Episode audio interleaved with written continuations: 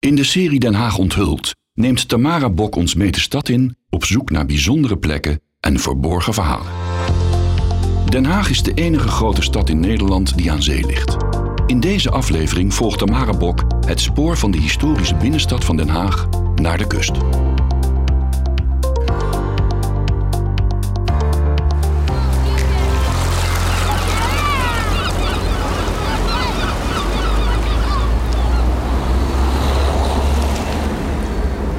Gek genoeg begint deze podcast in Den Haag aan Zee niet op het strand, maar in de stad. We zijn hier in Museum Panorama Mesdag. Minke, kan jij aan ons vertellen wat we hier zien? Wij staan hier op een strand uh, van 1881. En het is een strand waar het nooit regent. Dus eigenlijk is het een soort toverstrand, zoals ik het tegen kinderen altijd zeg. Maar tegen pubers leg ik het uit als een soort van mindfuck. Want je brein wordt volledig gefopt. Het is een soort van experience uh, uit het verleden. Uh, avant la lettre eigenlijk. Zodat je denkt dat je op het strand staat. Maar ondertussen ben je in de stad. Ja, dat is dus heel bijzonder inderdaad wat je omschrijft. Want wij lopen hier net die hal door. En dan loop je een donker halletje door. Een trapje op. En dan in één keer sta je op het strand maakt mij ook erg veel indruk. We horen ook gewoon de meeuwen. Ik zie een greep uit het leven van het Scheveningen van toen. En dat lijkt inderdaad verdraaid veel op hoe het nu is. Ik moet zeggen, die boten, daar is wat verbetering in gekomen. De bollingen die waren natuurlijk heel goed voor die tijd. Tegenwoordig zien we wat chicere jachten in de regio natuurlijk. Maar dit was toen voor die tijd ook heel chic, toch? Dit was zeker chic en het was gewoon vooral ook heel erg praktisch. Want die boten werden gewoon het strand opgesleept. Het zijn, het zijn platbodems, dus het zijn bomschuiten zoals het heet. Wat was de reden dat Mesdag dit maakte? Hendrik Willem Mesdag heeft dit schilderij. Het is 120 meter rond en 15 meter hoog. Um, dit schilderij maakte hij eigenlijk om het Den Haag van toen vast te leggen. Zijn geliefde Scheveningen, zijn geliefde zee, want dat was een favoriet onderwerp van hem. Hij heeft ook een hele beroemde quote: De zee is mijn. Wilde hij vastleggen voor de eeuwigheid, omdat hij zag dat er natuurlijk van alles aan de hand was. En hij voorzag eigenlijk al dat Scheveningen in de loop der tijd misschien best wel eens zou kunnen veranderen. En als natuurliefhebber en pleiter voor behoud van natuur, vond hij het heel belangrijk om dat vast te leggen. Ja, want wat, wat zie ik hier? Ik zie schepen, niet zomaar schepen. Ik zie veel schepen die op elkaar lijken. Dat lijkt me visserij. In die tijd was dat natuurlijk een grote bron van inkomsten. Maar welke verhalen zien we hier nog meer? Behalve een prachtig strand, surreële zee inderdaad. Heel veel perspectief. Ik vind het echt bijzonder, meer dan bijzonder. Maar wat, was zijn, uh, wat wilde hij uitdragen met de beeldenissen die we hier zien? En kan je die eens omschrijven voor me? Wat zo mooi is eigenlijk aan Hendrik Willem, is dat hij zowel de working class als de upper class, uh, eigenlijk het hele strandleven, zoals hij toen vanuit zijn vaste kamer, had een vaste hotelkamer, Hotel, Hotel Rauch, van waar hij echt elke dag het, het, het strand en alle bedrijvigheid kon gadeslaan. Maar hij heeft aandacht eigenlijk voor de working class, zeg maar het leven in op, Scheveningen moet ik zeggen natuurlijk. Want de visserij was natuurlijk uh, de bron van inkomsten. We zien hier allemaal bomschuiten liggen.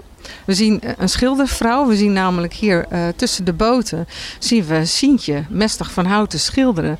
Mesdag, uh, Hendrik Willem heeft haar vastgelegd als ode aan zijn vrouw, zijn muze, maar ook zijn schildersmaat. We zien uh, daar in de verte zien we een boot, een, een blauwe boot, die ligt uh, op de kop. En dat is een van mijn favoriete items. Dat zijn hangjongeren uit die tijd. Dat deden ze toen gewoon ook al chillen op, op het strand. Dus uh, alles wat hij zag en wat gebeurde in die tijd op, op, het, op het strand van Scheveningen in 1881 heeft hij vastgelegd. En wat ik wel leuk vind om te vertellen nu wij hier staan, als je goed kijkt, um, de ervaring die je hier hebt, het daglicht bepaalt hoe het eruit ziet. En je ziet nu, buiten is het zonnig.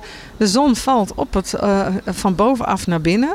En het lijkt net alsof je op, de, op, op, een duin staat, um, waarmee je naar het strand kunt lopen. Als je het nou moet samenvatten, wat heeft Hendrik Willem Mesdag dan voor Den Haag betekend? Oh, hij heeft heel veel voor Den Haag betekend. Hij was sowieso natuurlijk liefhebber hier. Hij was een, een netwerker puur zang. Hij was mecenas. Hij uh, hielp ook mensen uh, ja, die, die of talent hadden, die ondersteunde die of uh, ja, ondersteunde die om zich te ontwikkelen. Maar hij gaf ook veel aan de stad. Hij heeft bijvoorbeeld Poelgri, Studio Poelgri, de kunstenaarsgemeenschap, daar waar hij ook rit van was. Hij is daar ook lang bestuurslid geweest. Heeft, die had een nieuw pand nodig en hij heeft uit eigen zak dus niet uh, bestuursgeld of wat dan ook. Uh, maar hij heeft uit eigen zak heeft hij dat pand gekocht en geschonken aan uh, het kunstenaarsgezelschap. En dus eigenlijk ook aan de stad. Want het mooie is, is dat kunstenaarsleven, dat floreert nog steeds. En Poelgri staat ook nog helemaal in bloei. Dus als hij eigenlijk neer zou kunnen kijken, zou hij heel gelukkig zijn. Ik ben op weg van de geschilderde zee van Hendrik Willem Mesdag naar de echte zee voor een ontmoeting met Romke Schuitema.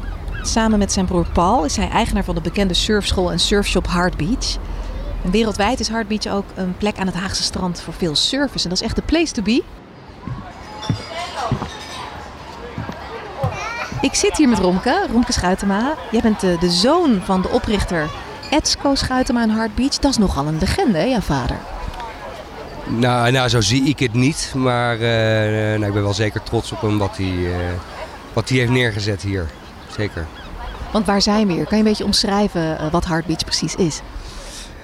Ja, nou ja, Hard Beach is een jaar rond watersportpaviljoen. Wat als hoofdmoot de doelgroep surfen heeft en skaten.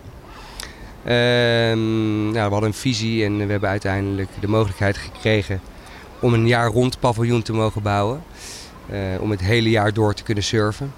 En daarbij hoort lekker eten. Een leuke beleving. Kinderen, volwassenen, opa's en oma's. Iedereen is hier welkom. Uh, ja, het is eigenlijk een dagje uit. Het is hier in de jaren 70 begonnen. Wat was de oorsprong? Hoe heeft jouw vader het toen ter tijd ingericht? Ja, nou, in jaren 1971 zijn we niet, niet hier op het strand, maar in de, in de winkel aan de haven begonnen. Uh, met Hobbycat te importeren uit Engeland. Uh, dus dat zijn zeilboten met twee rompen en een uh, trampoline ertussen. Maar mensen hadden best wel koud in de zee. En uh, toen, zei die, toen is hij gaan zoeken van hoe krijg ik de mensen warm. Toen is hij naar Jack O'Neill in Amerika gegaan. En toen heeft hij met die meneer ont, heeft hij ontmoet en gevraagd van joh, mag ik niet jouw wetsuits importeren? En dat was de, de legend in de wetsuits, de uitvinder van het wetsuit. En eigenlijk de enige manier om jezelf warm te houden. Dus dat heeft mijn vader toen mogen doen. En uh, zo zijn we begonnen met de wetsuits in ieder geval in 1971 in de winkel in de haven waar nu nog steeds een surfshop zit. Maar Romke, er zijn hier echt wel legendes heel lang over de vloer geweest. Uh, back in the days toen jouw vader hier natuurlijk zat. Maar inmiddels bij jou tweede en derde generatie, vermoed ik? Ja, we zitten nu denk ik zo lang, langzamerhand in de derde generatie uh, surfers.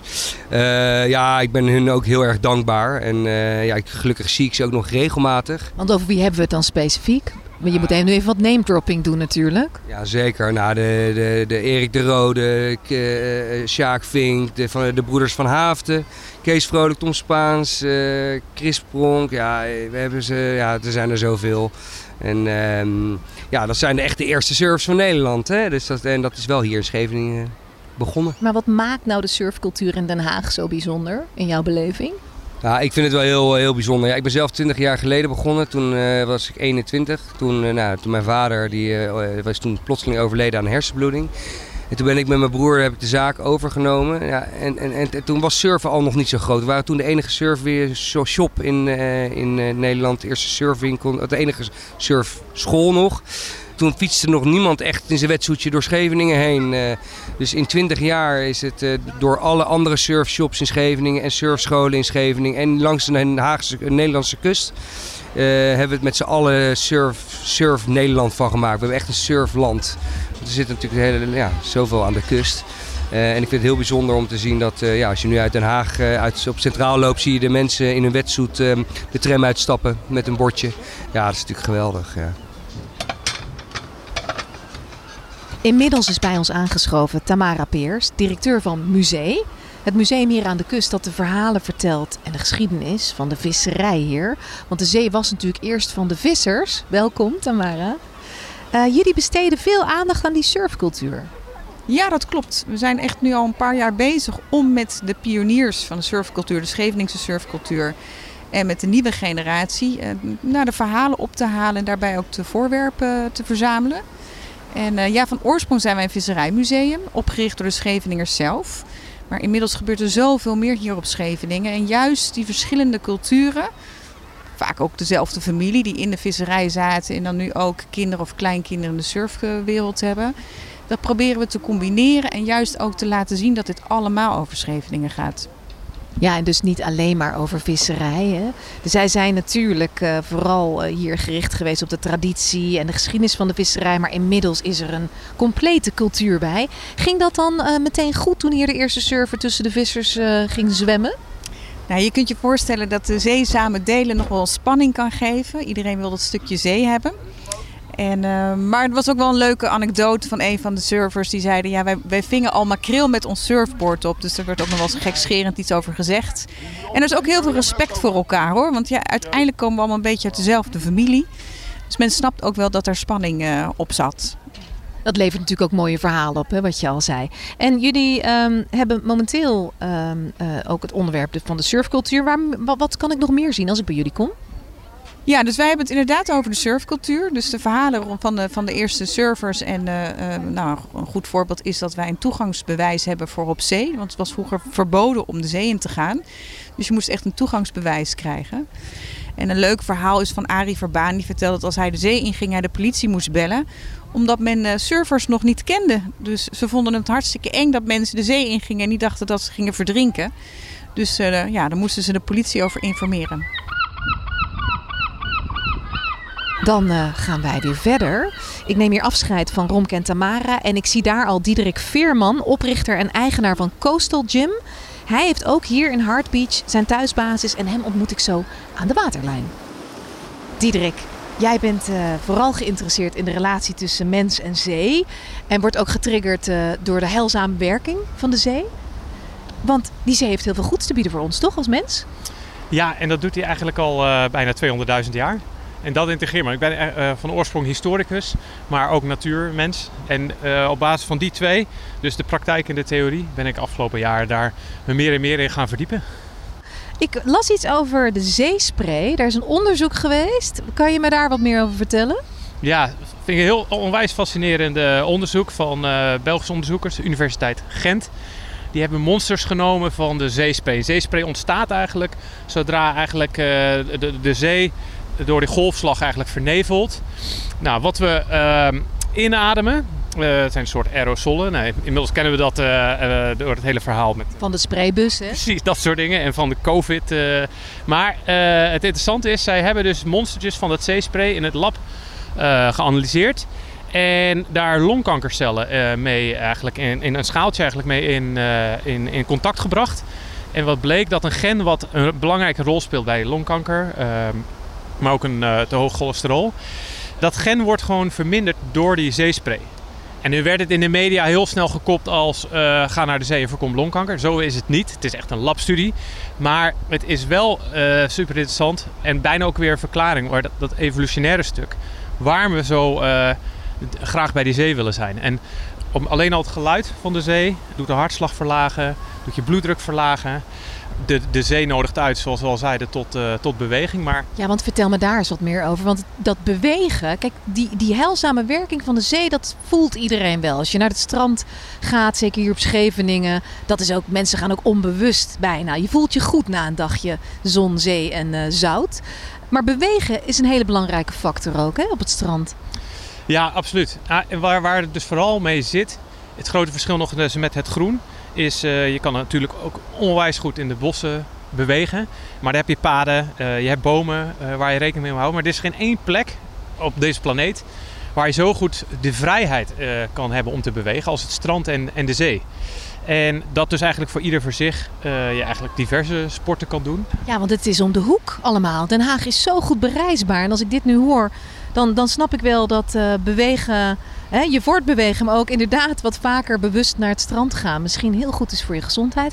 Maar vertel eens wat meer over Coastal Gym, want jij, bent daar, jij speelt daarop in. Ik bedoel, heel veel bewoners van Den Haag kennen jou ook van Coastal Gym. Ja, ja uh, Coastal Gym is een strand- of een natuursportschool. Uh, maar we proberen dus uh, uh, niet in die natuur te sporten, maar eigenlijk met en voor die natuur. Ik ga ook even met Esther praten namelijk, want die weet hier ook veel van. En, uh... die, die liefde voor de zee, de relatie, kan ze nog mooiere bewoordingen beschrijven dan ik.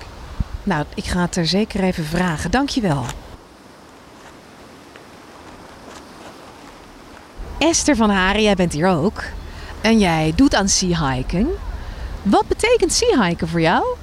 Sea hiken is fantastisch. Je bent aan het spelen in de zee.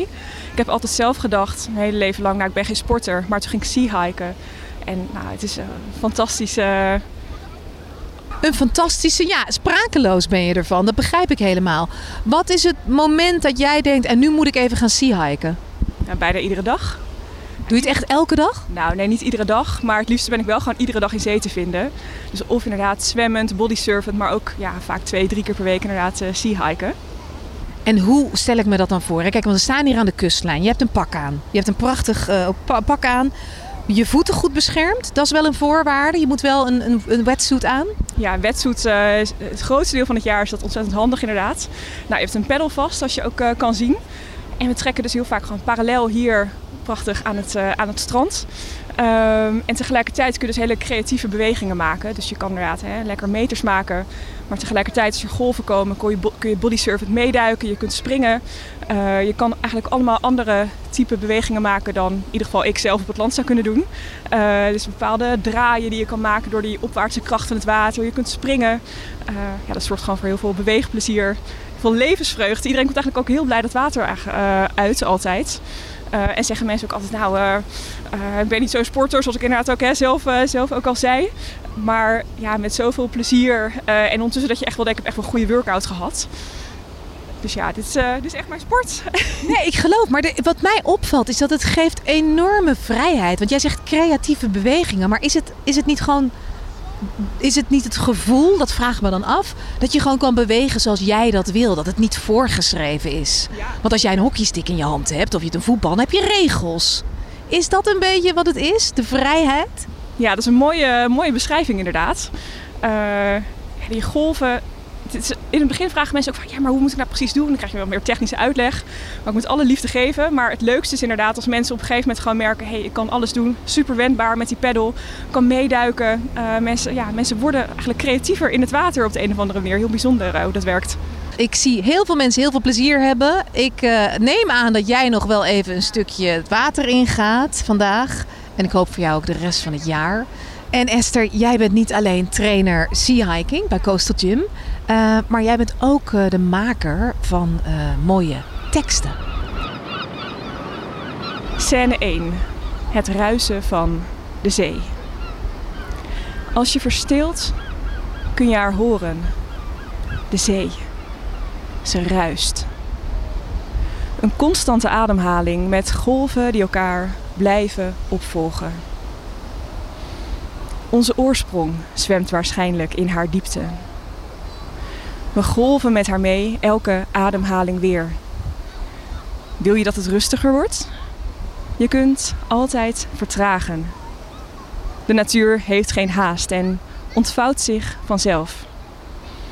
En maak je maar geen zorgen. Er is water in de buurt. Er is leven. In surfschool The Shore ligt vooral de nadruk op het verantwoord omgaan met de zee. En duurzaamheid staat hier uh, centraal. En uh, willen we dus ook in de toekomst volop kunnen genieten van de zee, dan uh, zullen we daar nu onze maatregelen voor moeten nemen. Daar hoor je natuurlijk veel over tegenwoordig. Ik heb vandaag een afspraak met Romy IJzermans, de bedrijfsleider van de Shore, om te horen hoe zij in de Shore omgaan met duurzaamheid en de toekomst van de zee. Want Romy, vertel eens.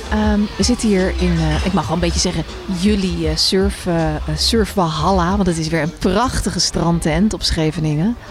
Mensen komen hier op het terras, zitten hier heerlijk buiten met een wijntje of een koffietje. Er zijn kinderen aan het skateboarden. De surfplanken staan mooi opgestapeld. Het is wel echt een sfeertje hier. Hè? De duurzaamheid straalt er een beetje vanaf, moet ik zeggen. Kan je een beetje vertellen wat jullie precies allemaal doen op dat gebied?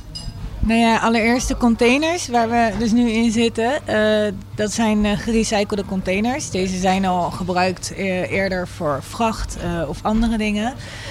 Um, deze zijn zelf omgebouwd tot iets waar wij ja, ons eigen strandpaviljoen van konden maken. Daarnaast is alles wat je ziet qua meubilair is tweedehands. Heeft al een eerder leven ergens gehad. Al ons eten is biologisch. Dat uh, vinden wij erg belangrijk. En daar zijn we ook altijd naar op zoek. Hoe we nieuwe producten wel biologisch kunnen krijgen. Uh, en ook aan de buitenkant kan je zien uh, dat we bijvoorbeeld groene daken hebben. We hebben zonnepanelen. We hebben zonneboilers. En op die manier proberen we ook zoveel mogelijk onze eigen energie op te wekken. En eigenlijk nog tal van andere dingen. Dus echt wel heel veel aan te wijzen. Ja, dus het is niet zozeer een filosofie alleen, maar het is ook gewoon heel praktisch. Hoe leef je dat dan na? We willen ook juist door op deze manier uh, te ondernemen uh, laten zien dat het voor iedereen toegankelijk is om op deze manier te ondernemen. Duurzaam, duurzaamheid lijkt soms een heel moeilijk onderwerp en niet echt tastbaar. En op deze manier, door het echt in alles door te trekken, willen we laten zien van het is wel haalbaar. En je, kan wel alle, je kan het wel allemaal op een duurzame manier doen. En mag je dan uh, als Haagse de Shore nog ergens heel trots op zijn? Is er nou iets waar ik hier nu me in begeef, waar jij van zegt, daar zijn wij echt heel trots op?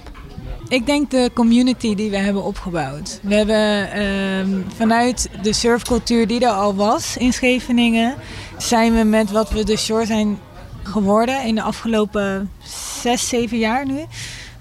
Nog groter geworden. En dat heeft dus deels te maken met onze surfcultuur, maar het heeft ook het is ook nu veel wijder verspreid. En uh, um, een community die ook nu steeds beter begrijpt waar wij voor staan. De kust van Den Haag die strekt zich uit over een lengte van zo'n 11 kilometer. En bestaat uit Scheveningen, het Zuiderstrand en Kijkduin. Daar ben ik nu. Dat is een hele bekende plek, vooral vanwege de kitesurfers. Dat zie je hier ook vandaag. Want het is een prachtige dag daarvoor. Ik kom hier uh, twee dames tegen in, uh, in uh, dezelfde outfits. En dat zegt meestal als je aan het kitesurfen bent dat je les hebt. hallo, wie ben je? Hi, ik ben Charlie. En hoe heet jij? Ik ben Lenore. Hallo dames, wat hebben jullie vandaag hier gedaan? wij hebben kitesurfles gehad. En het was onze derde, derde les. En vooral heel veel geoefend. en het ging steeds een stukje beter. Dat is goed. En hebben jullie enig idee waar jullie je hier bevinden? In de zandmotor. Kijk eens aan. En wat weet je van de zandmotor? Het is het uiterste stukje eh, Den Haag. Iemand had me verteld dat daar bij die mast dat het daar Den Haag eindigt. Ik weet niet of het echt waar zo is, maar dat is alles wat ik weet eigenlijk. En, had jij eerder al van de zandmotor gehoord? Uh, nee, nee. Ik weet alleen dat het een hele goede plek is om te leren kiten. Het is echt de blauwe piste, zeggen ze wel eens. Ook omdat het omringd is met zand. Dus je komt eigenlijk altijd wel weer aan land. Uh, dus dat is heel fijn, maar voor de rest weet ik er niet heel veel van. Wat goed zeg. En, en hadden jullie, zijn jullie gaan kitesurfen omdat je wist dat het hier zo goed geleerd kon worden? Nou, we hebben eerst lessen gehad in Portugal, maar we hebben, hier zijn we wel verder gegaan, juist omdat het hier zo goed uh, kon, inderdaad.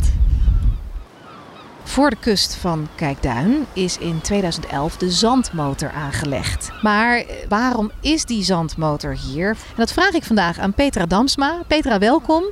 Waarom weet jij nou alles over uh, uh, de, de zandmotor? Ik werk bij Rijkswaterstaat, bij de landelijke dienst die veel onderzoek doet. En ik heb de afgelopen jaren het onderzoek wat op de zandmotor loopt uh, gecoördineerd. En wat is een zandmotor dan? Een zandmotor is een heleboel zand, een hele grote bult. En dat zand dat verplaatst zich uh, naar de duinen en uh, langs het strand. Dus het is de motor voor de duinen en voor de hele kust tussen, eigenlijk tussen Monster en Scheveningen. En waarom hebben we dan een zandmotor nodig? Het is een experiment geweest. We gingen kijken of we ook op andere manieren de kust konden onderhouden dan we het altijd al deden. Uh, nou, als we dat hadden gedaan zoals we het altijd al deden, was hier niet zo'n mooie couchsurfplek ontstaan. En uh, hadden we veel vaker moeten ingrijpen. En nu kunnen we de kust uh, met rust laten en gewoon de wind en de golven hun werk laten doen. Ja, want hoe pak je dat dan aan? Betekent dat dan dat je zand ergens ophaalt, dat ergens anders neerlegt en dat dat zand dan de duinen bestuift en dat dat dan goed is voor iedereen En dat je daar een mooie, nou je ziet het hier, een soort binnenmeer uh, voor terugkrijgt? Dat binnenmeer is ontworpen. We hebben de zandmotor aangelegd als een schiereiland. Dus inclusief het binnenmeer. Dat is niet door natuurlijke krachten ontstaan.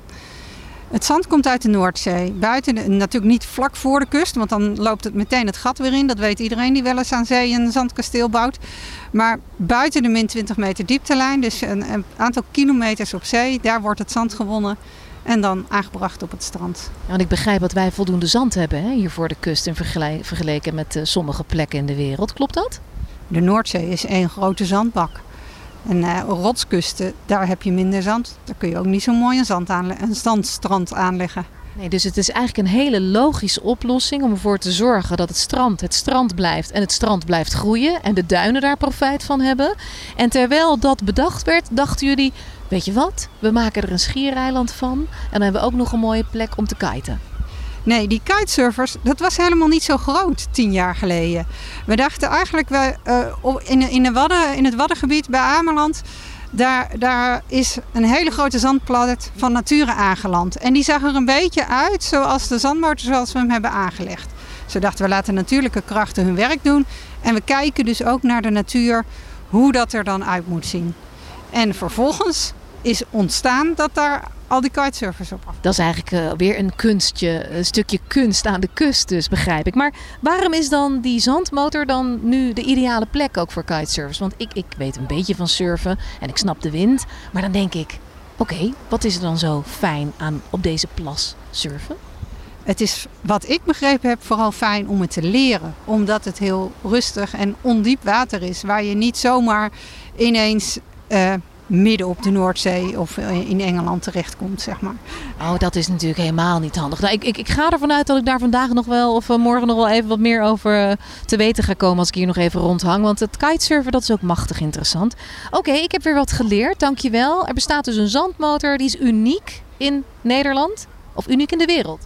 Uniek in de wereld. Er komen ook, uh, zo nu dan zijn er excursies vanuit Frankrijk, vanuit Engeland. Die hebben een stukje voorbeeld gevolgd. Vanuit Benin.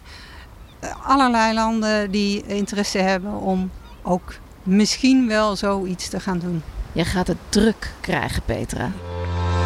Bedankt voor het luisteren naar de podcast Den Haag, de stad aan zee. Deze podcast is onderdeel van de serie Den Haag onthult over de verborgen parels van Den Haag. Luister ook de andere podcast: Den Haag, de thuisstad van Escher en Den Haag, de stad van vrede en recht. We bedanken alle Haagse partners en betrokkenen voor het mede mogelijk maken van deze podcast. Ga voor meer informatie naar denhaag.com/podcast.